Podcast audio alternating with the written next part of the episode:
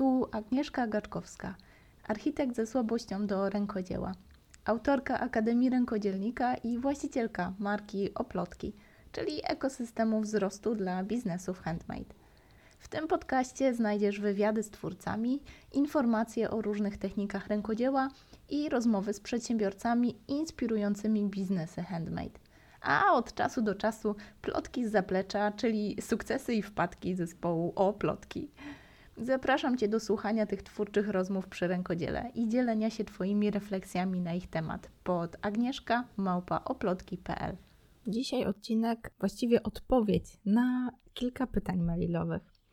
Dwa, trzy, trzy razy otrzymałam zapytanie e, z taką prośbą o poradę, na jakiej platformie najlepiej promować e, swoje rękodzieło, zwłaszcza jeżeli jesteśmy takimi początkującymi przedsiębiorcami e, rękodzielniczymi. No i jak domyślacie się, odpowiedź na to pytanie zawsze jest to zależy, tak? To zależy, gdzie jest Twój klient, na której, na której platformie właściwie jest Twój klient i do tego mogłaby się sprowadzić ta odpowiedź, ale jak to ja, nie potrafię skończyć na jednym zdaniu i stwierdziłam, że to świetny materiał na taką trochę pogadankę czy dyskusję na temat tych platform, bo nie chcę tu świadomie używać social mediów, dlatego mówię platform, na których warto promować swoje rękodzieło albo warto się po prostu pojawić czy być aktywnym żeby móc to rękodzieło promować. I oczywiście odpowiedź na to pytanie, która generalnie to pytanie powtórzyło się w zeszłym tygodniu i to był taki bodziec, e, który skłonił mnie do tego, żeby nagrać materiał na ten temat. E, to pytanie mogłabym skwitować właśnie tym, to zależy, albo odpowiedzieć, bądź na tej platformie, gdzie jest Twój klient i tak naprawdę to tam serwuj mu e, wartościowe treści. Ale stwierdziłam, że omówię trochę te platformy, bo mamy takie wrażenie, że teraz nasz klient właściwie jest wszędzie i my też tak troszeczkę jesteśmy wszędzie i wszędzie mamy wrażenie, że musimy być. Wyskakujemy czasami e, z lodówki albo mamy poczucie, że jeżeli nie będziemy tego robić, to ten klient o nas zapomni. Dlatego taki z życia wzięty poradnik, jak sobie poradzić z tymi platformami do promowania rękodzieła. Ok, czyli jak nie dać się zwariować tym online'om? Bo na pewno masz wrażenie, że kiedy pracujesz nad swoim rękodziełem, czy takim przedsiębiorstwem w oparciu o rękodzieło, to brakuje ci wiecznie czasu na to rękodzieło. Bo tutaj post na Facebooku, tam nowa fotka na Insta, jeszcze jakieś Instastory by wypadało zrobić. E, no tak, żeby po prostu nie wypaść z rytmu i żeby ludzie o nas nie zapomnieli. Ale co robi, żeby być wszędzie? Bo właściwie co robi, żeby sprawić takie wrażenie, że jesteśmy wszędzie? ale jednocześnie pracować nad tym, co najważniejsze, czyli po prostu nad tym naszym rękodziełem. Zabrałam garść takich przydatnych podpowiedzi i one są wszystkie takie z życia wzięte i raczej bezkosztowe, bo oczywiście można te rzeczy wydelegować, no ale to generuje już nam koszty, dlatego tutaj omówię tylko takie bezkosztowe zabiegi, które zwłaszcza na początku mojej działalności kupiły mi bardzo dużo czasu na twórczość. No to Facebook. Warto zadbać o swój prywatny profil. Tak wiem, nie wolno nam promować swojej działalności na prywatnym profilu. Jeżeli to robisz, to jak najszybciej zakładaj stronę firmową, bo Facebook po prostu może zamknąć Twoje konto. To jest po prostu niedozwolone. Ale bardzo często widzę, jak w różnych grupach tematycznych twórcy rękodzieła prezentują swoje prace z poziomu prywatnego konta. Po prostu umieszczają posty, gdzie dają znać, że hej, ja mogę coś zrobić, albo odpowiadają na pytania, e, kiedy ktoś pyta na przykład, kto zrobi mi, nie wiem, poduszkę dla niemowlaka, bo potrzebuje na prezent i ktoś komentuje tam z prywatnego profilu, hej, ja zrobię, bo tam dziergam od kilkunastu lat. Często podglądam sobie takie konta i klikam w profil takiej osoby, a tu nic.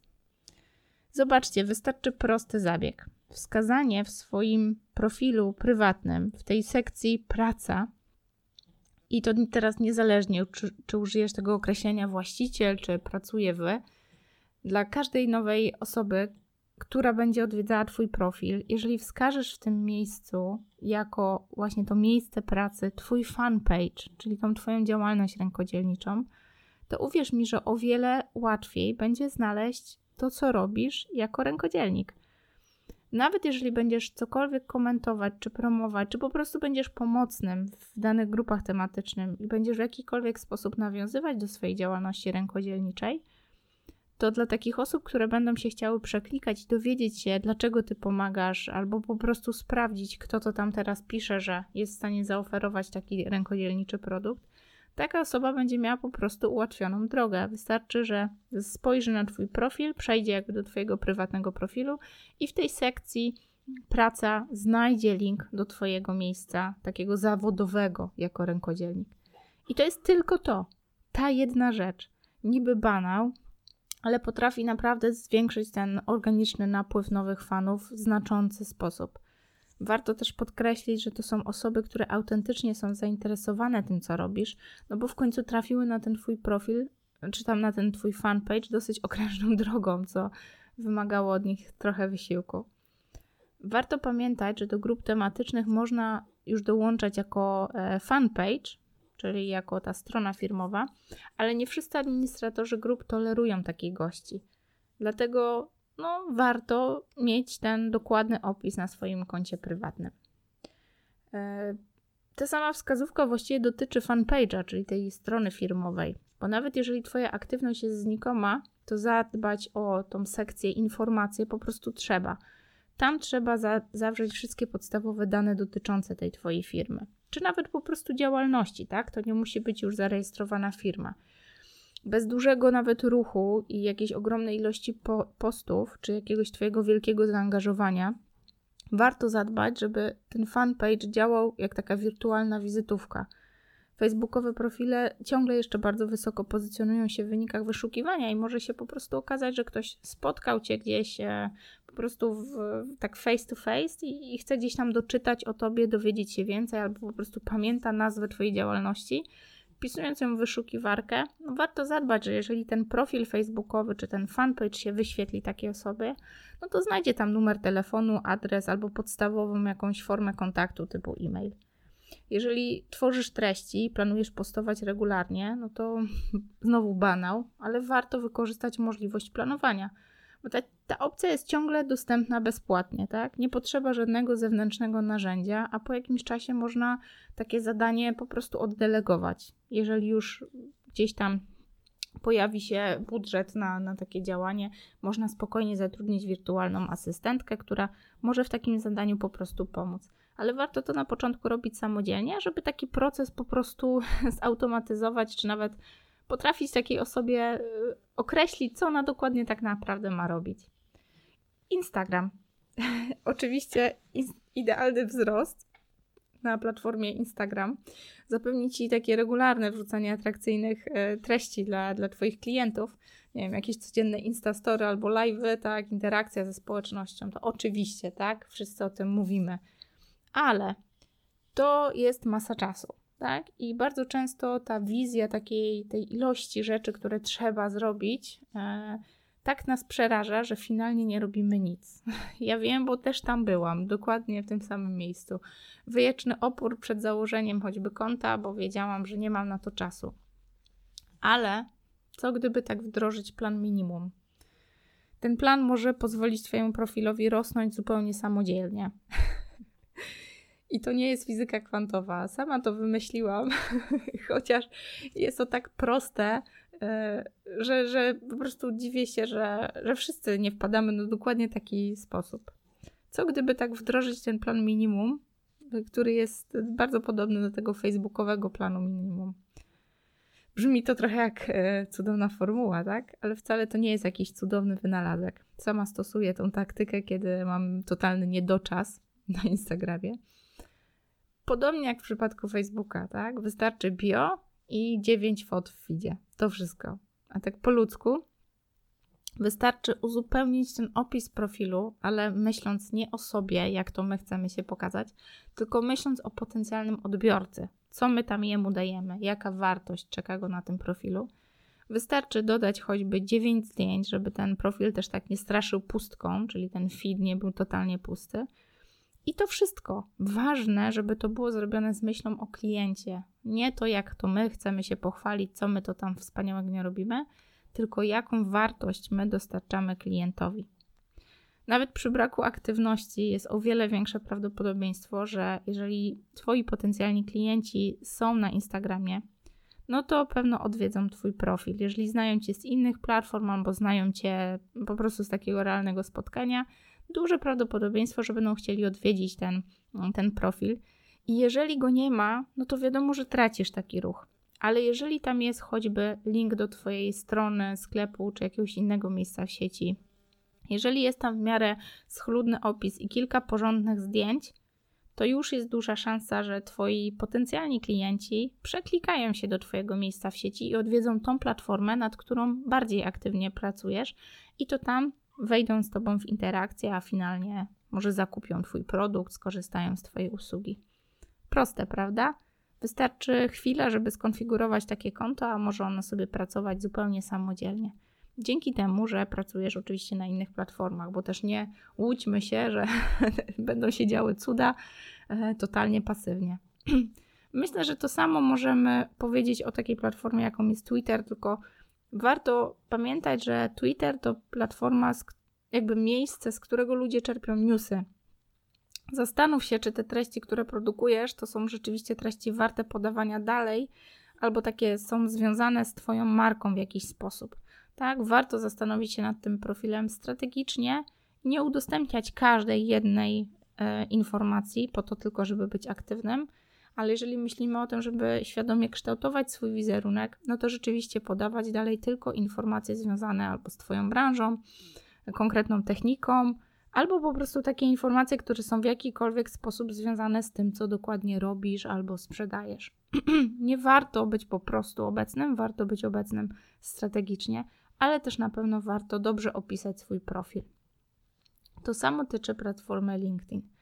Jeżeli coś tam i e, nie wiem, gdzieś tam od czasu do czasu publikujesz na LinkedInie, warto, żebyś pamiętał, że to ciągle jest platforma, która kocha B2B, czyli tak zwany business to business.